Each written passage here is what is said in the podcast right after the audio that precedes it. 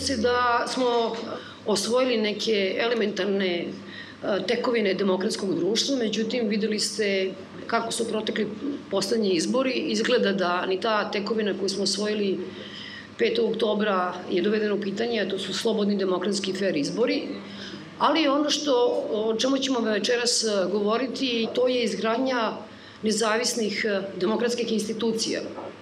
Vi ste videli šta se desilo sa Savjetom za borbu protiv korupcije, šta se desilo sa Agencijom za borbu protiv korupcije, državna revizorska institucija, koja je ko ponornica, nestaje pa se pojavljuje. Tako da smo zapravo došli u situaciju da veliki deo javnosti, te takozvane građanske Srbije, gleda u institucije poverenika za informacije od javnog značaja i u zaštitnika građana. Sticam okolnosti, Nedim koji je iz nezavisnog društva novinara Vojvodine, Tanja Maksić koja je iz Birna, Nemanja koji je iz transparentnosti i ja iz Peščanika, mi smo svi zajedno, nezavisno naravno jedni od drugih, potpisali inicijativu koje je potpisalo još oko 60 organizacija civilnog društva, da gospodin Miloš Janković, koji je večeras ovde, koji je vršilac funkcije e, za zaštitnika građana, da parlament njega izabere za zaštitnika građana. To je ohrabrujuće ne toliko što verujemo da imamo neke šanse da će parlament nekoga poslušati, nego zbog toga što je teško i organizacije civilnog društva naći na jednom mestu da tako zdušno stanu ne iza jednog čoveka, nego jedne, iza jedne institucije koja postoji 10 godina. Prosto to je jako važno da jedna od tih tekovina koja je osvojena, zahvaljujući ljudima koji su pre svega radili u toj instituciji, da pokušamo da je očuvamo.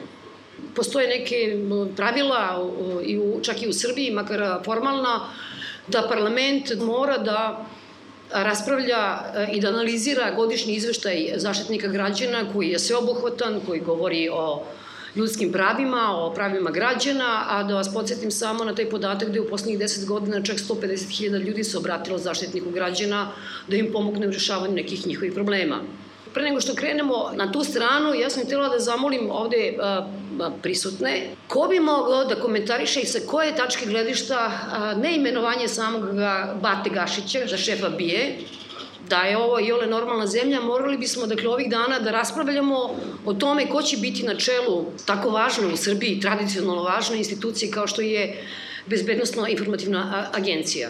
Možda da počnemo od činjenice da je zaštitnik građana pokrenuo inicijativu za smenu gospodina Gašića još dok je bio ministar vojni. Ali tako? I to je slučaj, podsjećam vas, prebijanja složne braće Vučić-Mali za vreme Parade ponosa. Ja bih stvarno podsjetio na jedan događaj koji je stvarno bio značajan, a vezan je za gospodina Gašića. To je situacija, šta se tu desilo? Znači, imali smo jednu, da tako kažemo, spornu situaciju. Incident, prebijanje, neke stvari su bile otvorene e, i trebalo je da se razjasne. Zaštitnik građana je pokrenuo proceduru koja je trebalo da dovede do tog razjašnjenja. Pokrenuo je proceduru da dobije određene dokumente, snimke i tako dalje od Ministarstva odbrane. Ono što se dogodilo u tom trenutku je u stvari svojevrsna prekretnica e, odnosa e, vlasti prema poštovanju zakona. Jer je Ministarstvo odbrane tada direktno i Vojno-bezbednostna agencija, ako se ne veram, direktno su uskratili zaštitniku građana dokumente koje zaštitnik građana na osnovu ustava i zakona ima pravo da traži i da ih dobije. Nije bitno šta piše u tim dokumentima, odnosno jeste bitno, ali nije od suštinskog značaja. Od suštinskog značaja to da je jedno ministarstvo i jedna vladina agencija su odbili da dostave dokumenta, odbili su da se povinuju zakonu. To je nešto što je nedopustiva situacija. Ono što, je, što se potom dogodilo, bilo je još gore. To je diskusija u odboru za bezbednost, gde taj odbor i narodni poslanici nisu stali na stranu zaštitnika građana koga biraju na kraju krajeva i koji njima e, najviše i bi trebalo i da koristi u radu, već su direktno se stavili u službu izvršne vlasti. I Kada, kada se to dogodilo, mi smo u stvari imali ogoljenu demonstraciju e, prevlasti e, političke volje, političke moći nad pravom. Sve što se potom dešavalo sa tim slučajem i što se desilo, nažalost, i u nekim drugim e, slučajevima, ostaje trajno kao, kao jedna stvar koja mora da se razreši ako Srbija želi uopšte da se vrati na put pravne države. E, zato ja mislim da je loše, e, da je loša stvar e, imenovanje gospodina Gašića na bilo koju e, na bilo koji položaj, bilo koju funkciju, bilo da je on za to stručan ili ne, bilo da će obavljati dobro ili manje dobro, sama činjenica da je u jednom odsudnom trenutku stao direktno protiv vladavine prava i direktno prekršio ustav i zakone, mislim da bi trebalo da ga diskvalifikuje ne samo od vršenja javne funkcije, već da predstavlja i mnogo teži prekršaj. Smatram da je ovo jedan ako, ozbiljan udarac demokratskoj javnosti i svim onim građanima koji su protestovali uh, na ulicama prethodnih, prethodnih sedmica u Srbiji zbog sramnih izbora. Znači, mislim da je to i najava uh, politike Aleksandra Vučića u, u, u nekom narednom periodu. Ja ću vas podsjetiti da je Gašić čovek koji je visoko, visoko rangiran u samoj stranci i koji i takako ima veze sa, sa medijima, jer postoje bezbrojni dokazi da iza čuvenog Radojice zapravo stoji Gašić. Samo jedna crtica u vezi sa tim suđenjem i čuvenim prebijanjem braće Vučić-Mali. Kolegi novinari iz Birna, juče je upravo izašao tekst e, koji se bavi tim suđenjem Krunski svedok tužilaštva u tom procesu je izvesni Gračanović, e, koji je e, recimo šef obezbeđenja neke nevladine organizacije koja se zove Ruska inicijativa, vrlo tesno povezana sa ambasadom e, Rusije ovde kod nas u Beogradu, koji je u svojstvu predstavnika nevladine organizacije ili kako god, poslat da vrši kontrolu rada policije, tada je bila ovaj, parada, parada ponosa u to vreme.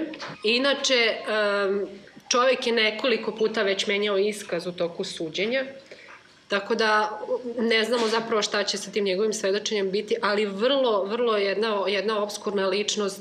Po njegovom Facebook profilu imate gomilu slika sa najistaknutim članovima ovaj, SNS-a, o, o, sa sinom premijera Vučića i tako dalje. Bili smo na Gay Pride, u jednom momentu smo saznali ovaj, šta se desilo. Naravno, nakon svega, smo videli, nakon svega toga smo videli i snimke. Postavilo se pitanje šta se desilo, šta je prethodilo tom slučaju. Nesporno je bilo da su policijski službenici zlostavljali, ali je pitanje kako su ova lica došla u tu situaciju kad smo mi nekih 15 minuta, pola sata, ne znam tačno koliko, prošli kroz taj isti kordon i nije bilo zaista nikakvog problema.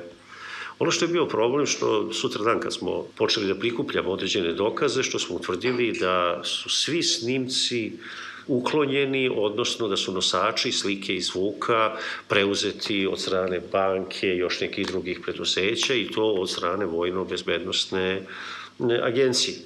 Skraćujem priču, uglavnom mi smo tražili podatke od e, MUP-a, MUP nam je u jednom momentu dostavio odgovore da nije ništa uradio, a od Vojno-bezbednostne agencije smo dobili odgovor da se sva dokumentacija nalazi u tužilaštvu i da oni ne žele da nam ovaj, predaju, predaju te dokumente, iako je zaštitnik građana, shodno zakonu zaštitniku građana, ovlašćen da ima pristup celokupnoj dokumentaciji bez obzira na stepen njene tajnosti i iako i zaštitnik građana ja lično imamo čak i neki specijalni sertifikat koji nam govori da možemo da imamo pristup i državnoj tajni. Taj sertifikat samo znači da organi ne bi trebali da nas obstruiraju i da postavljaju pitanje ko smo mi da gledamo. I to je suština problema ko su neki drugi koji nisu naši, a mi pravimo razliku ko su naši, ko nisu naši i uglavnom nama nije dato da mi izvršimo uvid u te e, predmete.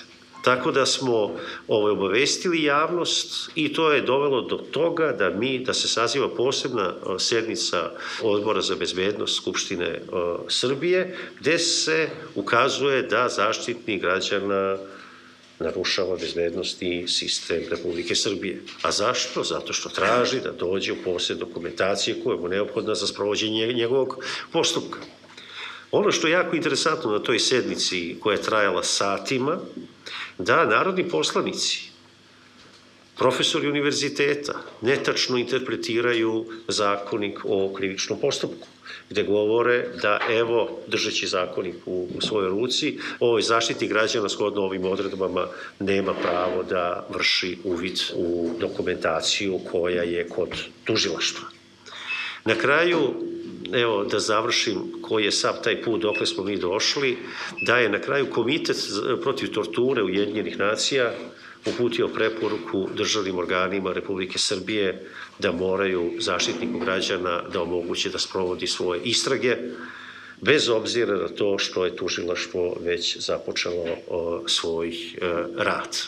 To je taj problem što e, određeni e, nosioci vlasti u jednom momentu žele da samo oni imaju pristup podacima i niko drugi. Da kažem da je to uređeno i sa zakonom o policiji, jer naime, skrenut ću vam pažnju da naš zakon o policiji koji je donet pre nekoliko godina, da što je zaštitni građana uputio mišljenje, nije zakon o policiji. Ako ga pročitate, vidjet ćete da je to zakon o unutrašnjim poslovima. Sad će neki od vas reći, pa kakve ima to veze? Zakon o policiji, a u stvari je zakon o unutrašnjim poslovima. Ima i tekako veze. Znate zbog čega? Sami ćete odgovoriti. Ukoliko je nešto zakon o policiji, i po nazivu i sadržinski, ko je šef, ko je najodgovorniji, ko ima najveću moć po, tom zakon, po takvom zakonu o policiji? Pa, direktor policije. A ukoliko se zakon zove zakon o policiji, a u stvari je to zakon o unutrašnjim poslovima, ko ima najveću uh, moć? Pa, ministar unutrašnjih poslova a ministar unutrašnjih poslova nije profesionalac, ministar unutrašnjih poslova je čovek koji je uvek delegiran, određen od strane dosioca političke volje.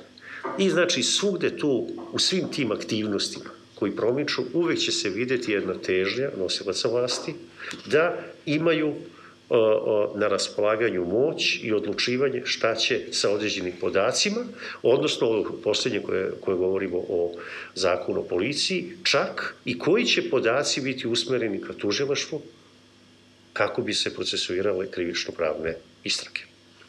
U izveštaju zaštitnika građana i ne samo u tom izveštaju a, a, jedan bitan deo je posvećen medijima, odnosno sve većim pritiscima na medije, odnosno stanju u kome se srpski mediji nalaze. Stvar je u tome da je mehanizam koji je naravno uspostavljen ranije sada doveden i metastazirao je dotle da jednostavno je praktično nemoguće da imamo pristojan medij koji ima neki kontinuitet, A i onda je sasvim razumljivo da ljudi nisu u stanju da donose racionalne odluke ne samo na izborima, nego više na sobstvenom životu. Mislim da je koren svih problema u tome što mi imamo jednu vlast koja bazira svoje delovanje na striktnoj kontroli medija. Mislim da je ovo državni projekat, da se mediji učutkaju, da se ni jedna e, kritička informacija, drugo mišljenje, kamoli neka priča o korupciji, o zloupotrebi fondova, o zloupotrebi vlasti, o tome više nema nigde govora. Jedan od e, najznačajnijih e, modela tako što će vlast da postavi svoje partijske pione, da potpuno razruše sve ono što je medij do tada imao kao uređivačku koncepciju. Drugi način je da se nekima prosto zavrnu slavine, ekonomski da se podave. A, a treći način je da ove koji se usude da nešto kažu, da na, na njih nagruvate Pink, Informer i Studio B. Kad ste vi bliski vlasti, onda vam je ovaj, dozvoljeno još jedan korak više. Radojica Milosavljević, ja mislim da to već je i kao poznata vest, je kupio osam lokalnih medija u Srbiji, on je prijatelj Bate Gašića još iz Kruševca. Njegov sin i njegova žena imaju um, medije u Kruševcu i u, uh, i u Nišu. Kako se nedomaćinski, kako se nekažnjivo ovaj, postupa sa tim medijima je upravo uh, eklatantan primer ono što je Radojica Milosavljević uradio, RTK, znači regionalni, regionalni medij u četvrtom gradu po veličini u Srbiji, je ugašen. Kragujevac. Kragujevcu, tako je, je ugašen, uh, niko tu nije ni odgovarao, niti ko koga pitao šta se ovo desilo, ali imamo neki privatizacijni ugor, imamo neke ovaj, obaveze prema tom mediju, prema ovome što smo ušli u jedan posao. Uh, to znači možete ako ste prijatelj, prijatelj Bate Gašića, a onda na to još dodatno za sve ostale medije iz tog pula koje je kupio Radojica Milosavljević, onda njih dodatno filujete državnim novcem kroz nameštene javne konkurse da bi oni ostali da žive i da bi bili praktično ovaj, propagandna mašinerija. Dok je Gašić bio gradonačelnik Kruševca zapravo je e, finansirao dve produkcijske kuće, jedna je registrovana na njegovu ženu, jedna na sina, Pritom je jedna od njih kao osnovu svoju delatnost imala recimo neke usluge čišćenja ili neke hemijsko čišćenja ili nešto tako. Dakle, nikakve veze sa medijima i produkcijom nekog medijskog sadržaja i tako dalje. Ali to je prosto nastavak te neke kulture nekažnjivosti gde je Bata Gašić baš jedan onako od, od evidentnijih primera. Tanja je rekla namešteni konkursi, to je toliko evidentno, više i ne kriju da su namešteni konkursi, da se upumpava novac u te e, medije i da se drugi gase.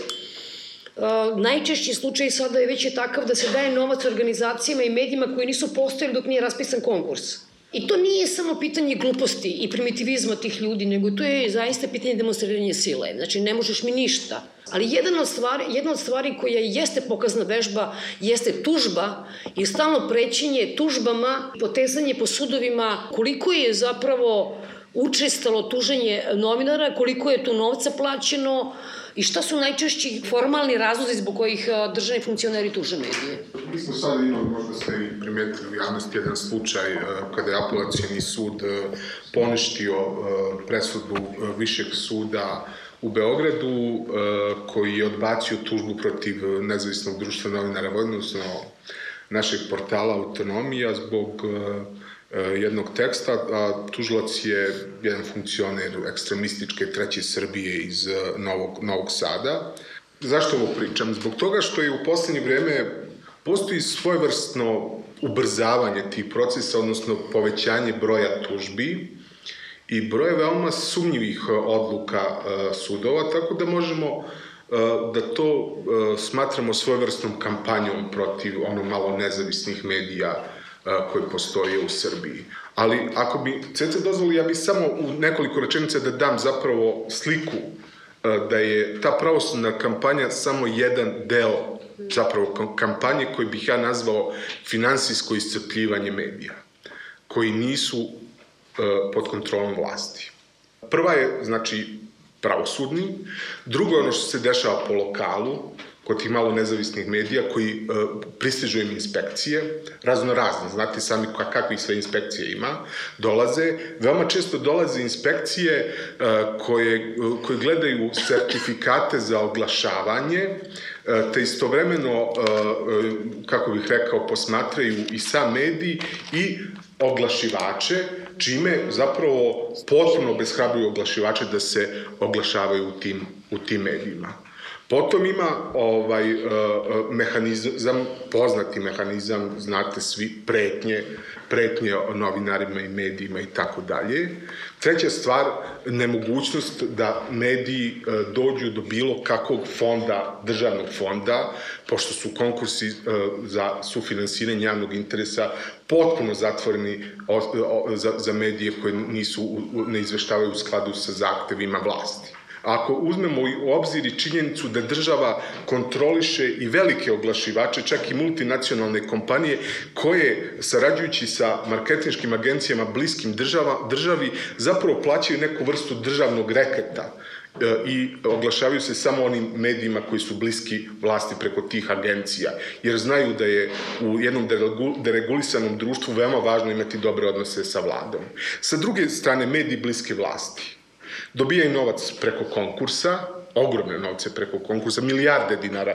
Naše istraživanje Bela knjiga je pokazalo da je 2 milijarde u, u periodu od godinu dana isplaćene putem, putem ovih konkursa. Uh, ali je to, to čak mislim manji deo novca. Preko javnih preduzeća, javnih nabavka, ugovora, direktnih ugovora sa, sa novinarima preko javnih preduzeća, Spomenuo sam uh, privatno oglašavanje koji se opet sliva u te, u te medije. Te mehanizme koje je imala prethodna vlast, ova, ova vlast dovela do savršenstva.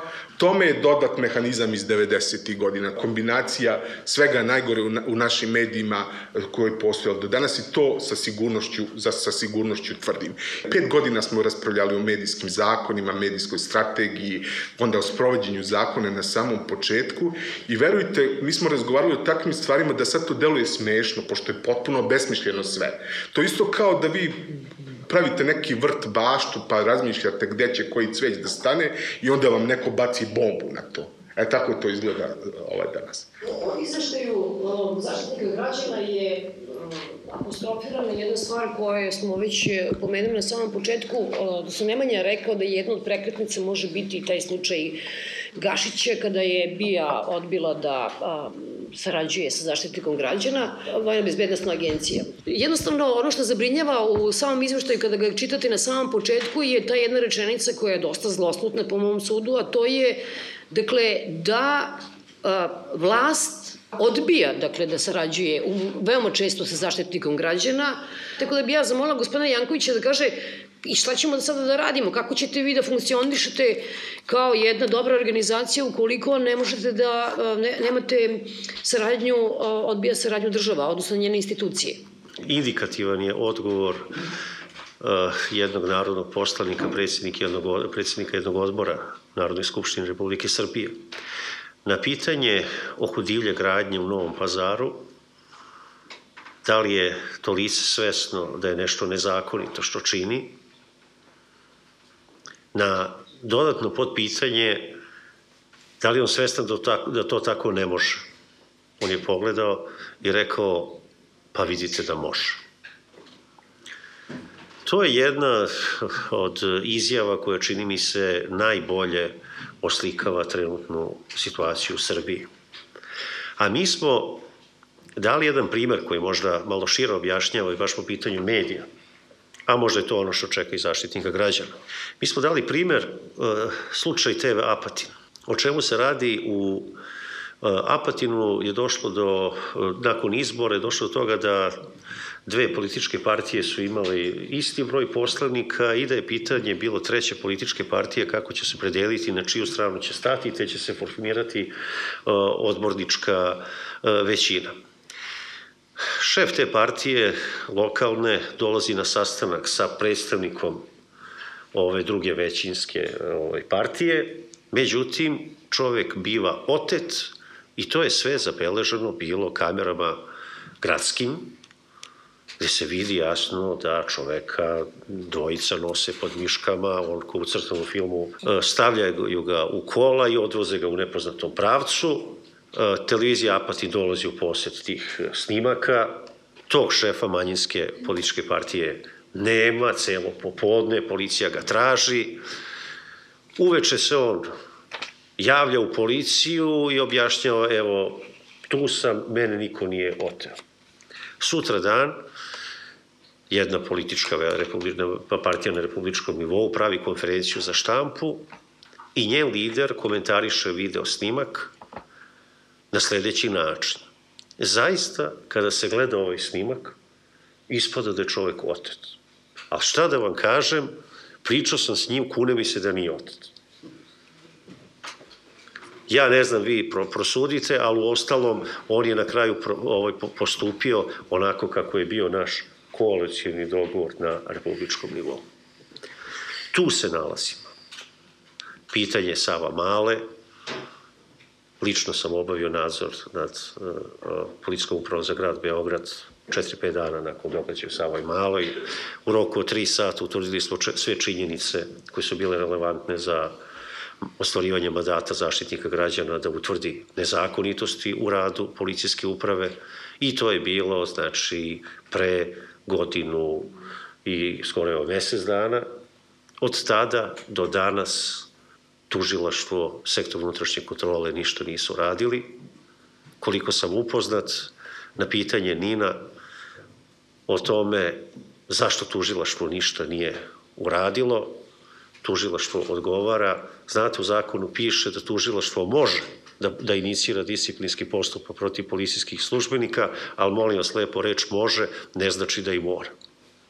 Izveštaj zaštitnika građana je e, i lako i teško čitati. To jeste jedan sjajan e, presek stanja e, što uprave, što lokalne samouprave u Srbiji i dragoceno je da postoji, ali s druge strane nije nije tako teško proći kroz to obilje podataka kada iz godine u godinu pratite materiju, zato što se mnoge stvari ponavljaju.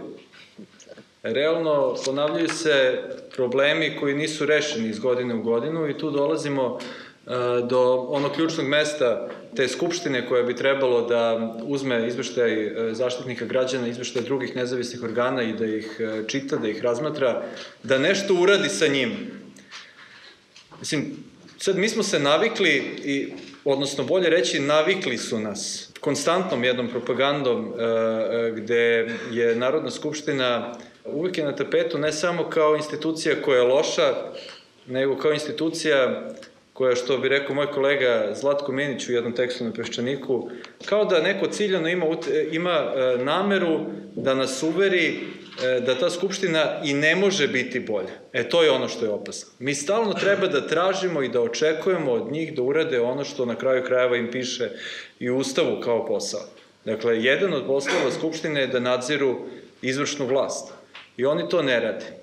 Oni pre su bili a, makar iskreniji, pa nisu stavljali u zakone bilo kakve konkurse za direktore, nego su jasno stavljali do znanja da je u pitanju partijski plen. E, onda smo dobili vlast koja je, de facto smo dobili ljude koji su e, došli na vlast, dobili priliku da vrše vlast upravo na obećanjima da će izvršiti departizaciju, depolitizaciju, profesionalizaciju javnih preduzeća i onda smo dobili 2012. taj zakon koji po prvi put je propisao konkurse za direktore, postavio neke uslove za članove nadzornih odbora, da bi se čitava stvar završila makar za sada u nečemu što je još gore od početnog stanja, završila se u direktnom izigravanju e, tih zakonskih normi, prvo 2013. godine. Transparent Srbija napravila jedno istraživanje, to je izašlo negde 2013. ili 14. gde smo pokazali mislim, potpuno fascinantne stvari, da, da su ljudi, da su raspisani konkursi koji godinama potom nisu uopšte okončani, ni na jedan način. Znači, jedna farsa je napravljena, onda smo dobili situaciju 2016. godine donet novi zakon o javnim preduzećima. Onaj prvi iz 2012. imao rok do kada moraju da se raspišu konkursi, nije imao rok do kada moraju da se okončaju, pa su trajali po 3-4 godine.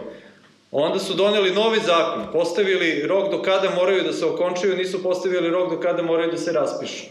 I onda je istekao taj rok da se okončaju, a nisu još bili raspisani. To je bilo u februaru, sad februar, mart ove godine. Otprilike pred istek ili nakon isteka tog roka za okončanje raspisani su konkursi i za, za sva živa javna preduzeća u Republička veća, a umeđu vremenu e, nastavljaju se imenovanja VD direktora. I pored raspisanih konkursa, evo sad e, slučaj sa ovim gospodinom e, Babićem, e, Koridori Srbije, znači on je, on je imenovan za vršioca dužnosti, on nije uopšte izabran sad za direktora tog preduzeća, neki, na nekog stalnog direktora, nego završioca dužnosti i to u sred konkursa koji bi trebalo da se okonča neka komisija, razmatra tamo prijave kandidata i tako dalje.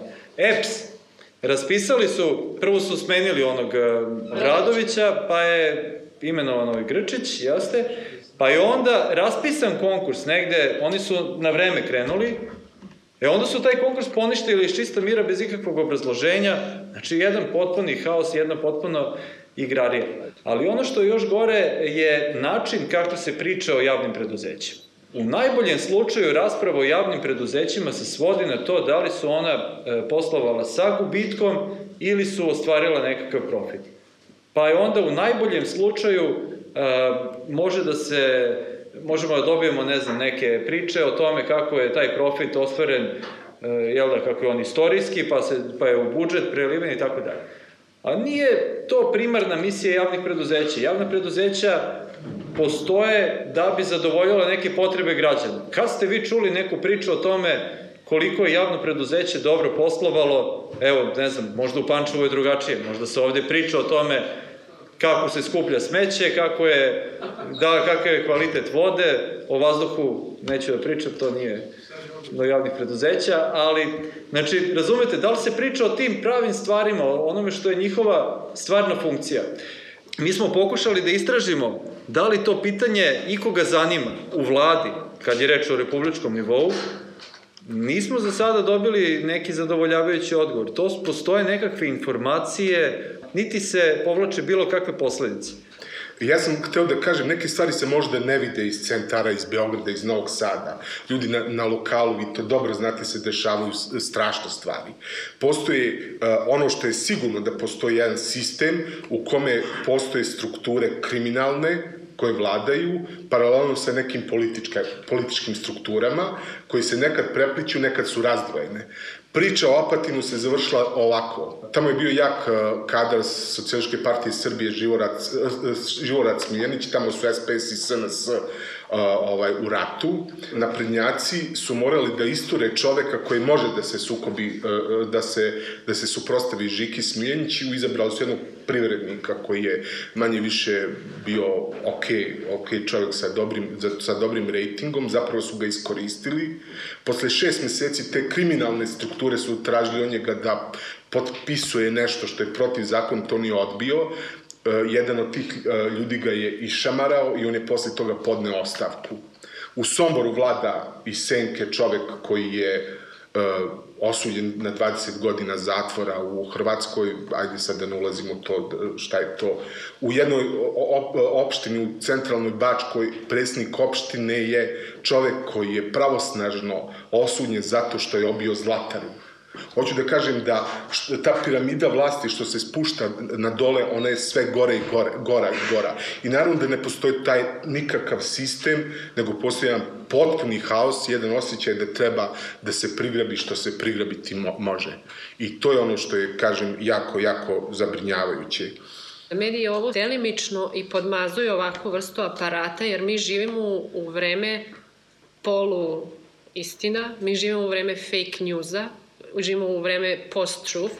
Mislim da živimo u vremenu jedno e, novog konzervativizma koji se od Amerike ovaj, ispoljava uh, pobedom Trumpa, koji se ispoljava Brexitom, koji je direktna posledica manipulacije uh, lažnim vestima da mi imamo porast ludačkih desničarskih pokreta u demokratijama kojima nikad nismo mogli da, da pomišljamo da će takvi likovi da se pojave.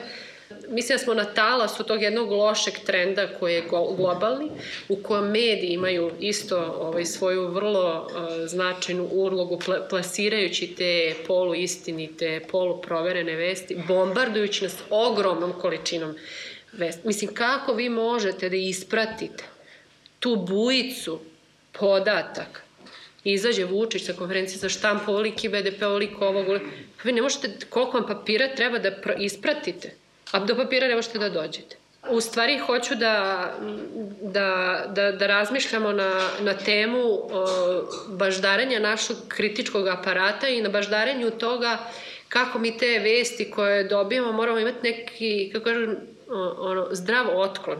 Prosto da da probamo iz celog ovog šuma, da probamo da dođemo do, do pravih informacija na osnovu kojih možemo i neke odluke i političke i, i, i životne da donosimo. Eto. Kao klinac, onako, bio sam oduševljen, gutao sam, učio na pamet, e, tako je govorio Zaratustra.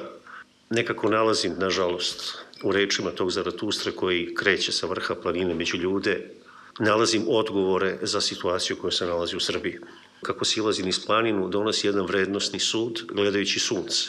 I obraća se suncu rečima čemu bi bilo tvoje veličine da nemaš onima kojim, kojima sijaš. Nažalost, eh, živimo u društvu gde pojedinci postaju svrha sami sebi i oni kad imaju moć zapostavljaju svrhu postojanja svih ostalih, odnosno svi ostaju, svi postaju beznačajni. I to je jedna osnovna greška onih koji, koji kreiraju takvu svest u ovom društvu.